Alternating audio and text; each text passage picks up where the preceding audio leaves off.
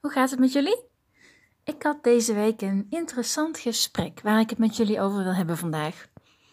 Een gesprek waarbij we het hadden over moedeloos worden en opgeven.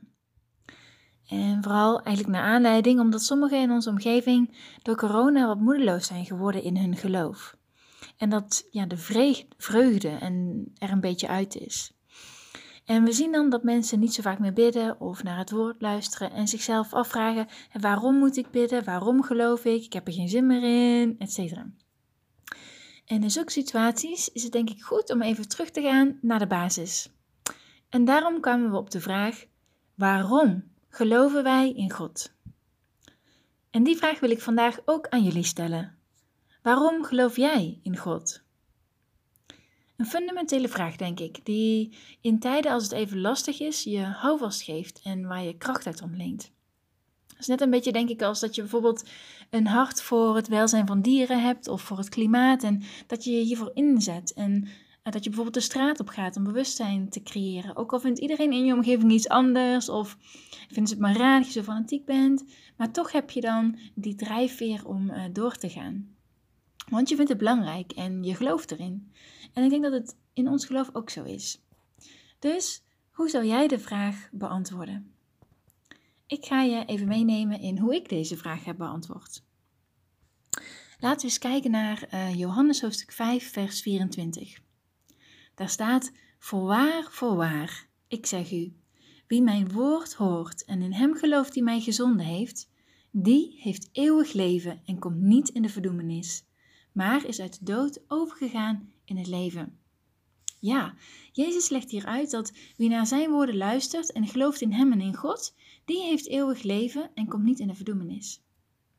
Met andere woorden, God heeft ons gemaakt omdat hij van ons houdt.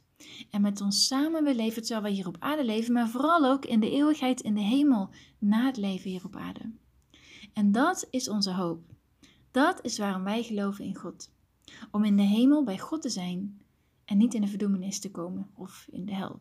Ik denk, ja, de hel is nooit echt een heel gezellig onderwerp om over te praten, merk ik. Maar, en ja, het is ook wel iets dat we vaak vermijden, denk ik. we lezen er wel over in de Bijbel. Bijvoorbeeld in Lucas hoofdstuk 16. Dan gaat het over de bedelaar Lazarus en de rijke man bijvoorbeeld.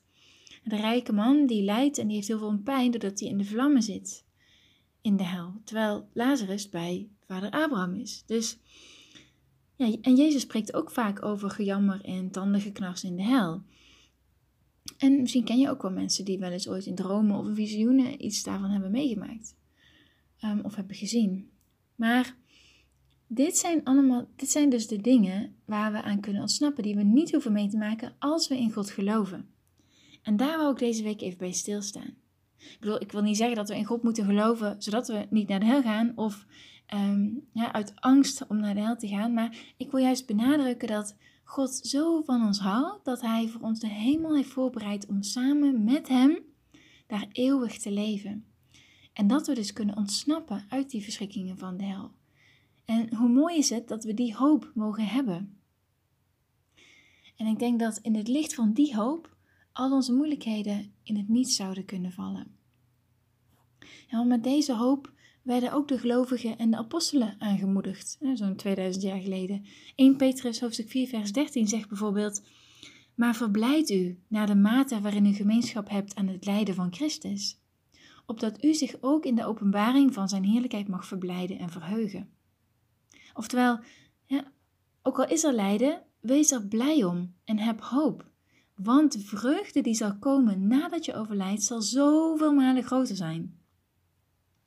En ik denk ook dat de apostelen met die hoop door al die moeilijkheden heen zijn gegaan, hè, zoals gestenigd worden en zelfs gedood zijn. Ja, ik denk dat je dit, deze hoop ook wel een beetje kunt vergelijken met uh, bijvoorbeeld iemand die een berg aan het beklimmen is zonder vast te zitten aan een touw.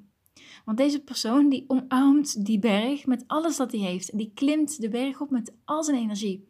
Want zelfs als hij zijn vingers zou breken bij het klimmen bijvoorbeeld. Want hij weet dat als hij opgeeft of dat als hij valt, dat hij zal overlijden. Dus hij klimt door met die hoop dat hij de top zal bereiken en dat het daar veilig is, omdat hij daar kan rusten. Dus ja, op die manier um, wou ik mezelf en jullie deze week herinneren aan de hoop uh, die we hebben in het geloof. En dat we met die vreugde en hoop kunnen leven, zodat we niet moedeloos worden in ons geloof en ook niet opgeven, denken dat het geen zin heeft. Dus ik hoop dat het een beetje gelukt is en ik wens jullie heel veel vreugde en hoop deze week. Tot volgende week weer.